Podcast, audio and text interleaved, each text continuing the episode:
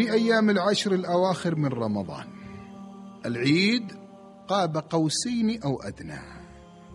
يقول لا أعرف أين أذهب أنتظر صديقي صديق الطفولة.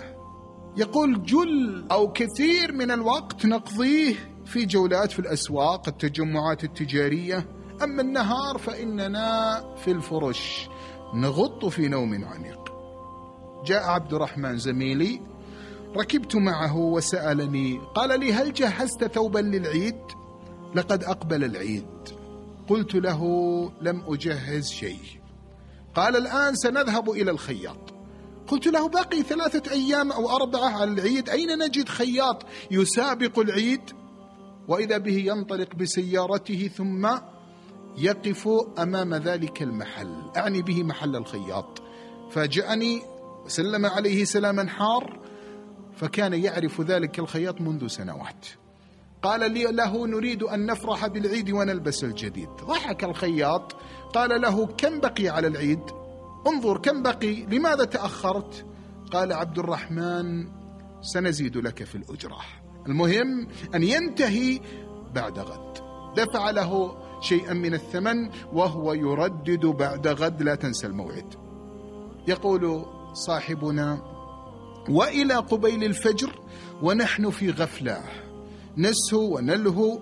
مضت تلك الليلة لم نذكر الله فيها مرة واحدة. وربما كانت هذه الليلة ليلة القدر. حياة لا طعم فيها سعادة لا مذاق لها. يقول ولجنا وفعلنا المعاصي من كل باب.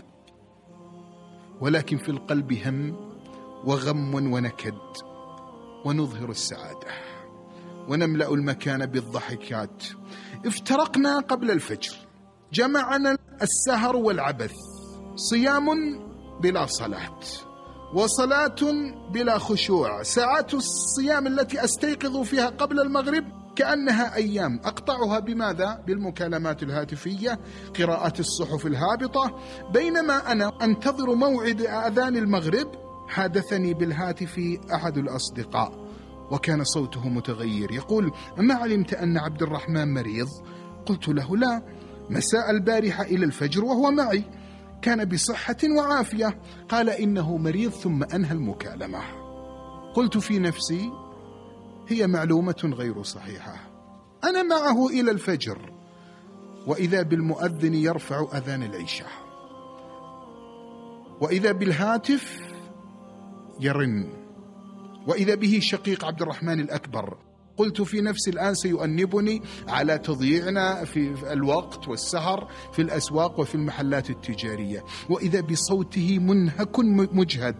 عبراته تقطع الحديد. أخبرني الخبر ويا له من خبر. قال لي لقد مات عبد الرحمن ماذا؟ قال لقد مات عبد الرحمن. لا إله إلا الله. لم أصدق. لا أزال أرى أراه أمامي الآن. صوته في أذني. كيف مات؟ قال وهو عائد إلى البيت. اصطدم بسيارة. ثم فارق الحياة وسيصلى عليه غدا. فأخبر زملائك وقفل الهاتف. أذني لم تصدق. الليل موعدنا في سوق كذا وغدا موعد ثياب العيد. لا إله إلا الله. الأمر جد لا هزل فيه. انقضت أيام عبد الرحمن. انقضت أيام عبد الرحمن والموت حق وغدا موعدنا هناك. أعني به في المقبرة لا عند الخياط. لقد ألبس الكفن وترك ثوب العيد. عبرات تثار وعبرات تسيل. يقول تسمرت في مكاني صبت بدوار في رأسي. التراب يابس والمرعى عابس وقررت الذهاب إلى منزل عبد الرحمن لكي أستوضع الخبر. ركبت السيارة وإذا شريط الغناء لم يزل في جهاز التسجيل أخرجته وفتحت الراديو وإذا إمام الحرم من المذياع يخاطب الجنان لا الآذان أنصت بكل جوارحي رهفت سمعي لكأن الدنيا أقبلت إلي والقيامة قد قامت. أوقفت سيارتي أستمع وأستمع وكأني لأول مرة أستمع القرآن.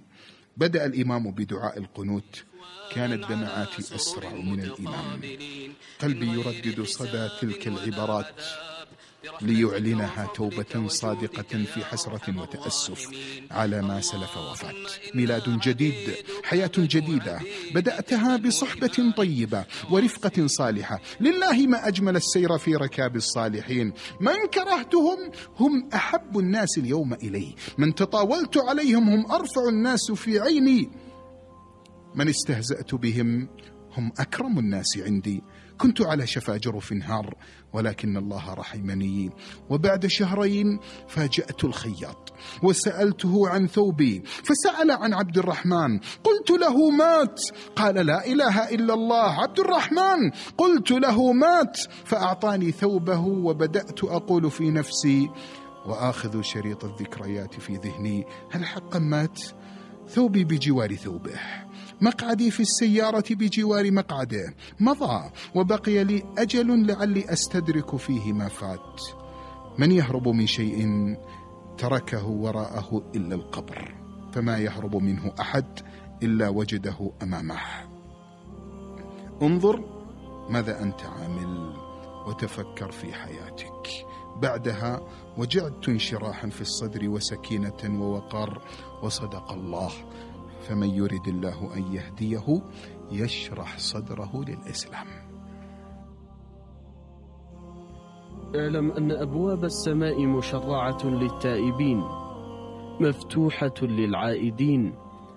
فمن تدنس بشيء من قدر المعاصي فليبادر بغسله بماء التوبة والاستغفار. قال صلى الله عليه وسلم التائب من الذنب كمن لا ذنب له. بادر فإن تأخير التوبة من الذنب ذنب يحتاج إلى توبة. ليست التوبة للذين يعملون السيئات حتى حتى إذا حضر أحدهم الموت قال إني تبت الآن قال إني تبت الآن ولا الذين يموتون وهم كفار. أولئك أعتدنا لهم عذابا أليما. بادر بالتوبة فإن الذنب يجر إلى الذنب. فكم من ذنب صغير كانت النهاية معه بالتسويف أن يحال بين صاحبه وبين قلبه. وقد يسلب إيمانه فبادر. بادر قبل أن يخلق الإيمان في القلب كما يخلق الثوب. ثم يغلف بالران فيذبل ثم يقسو فويل للقاسية قلوبهم من ذكر الله ثم يموت.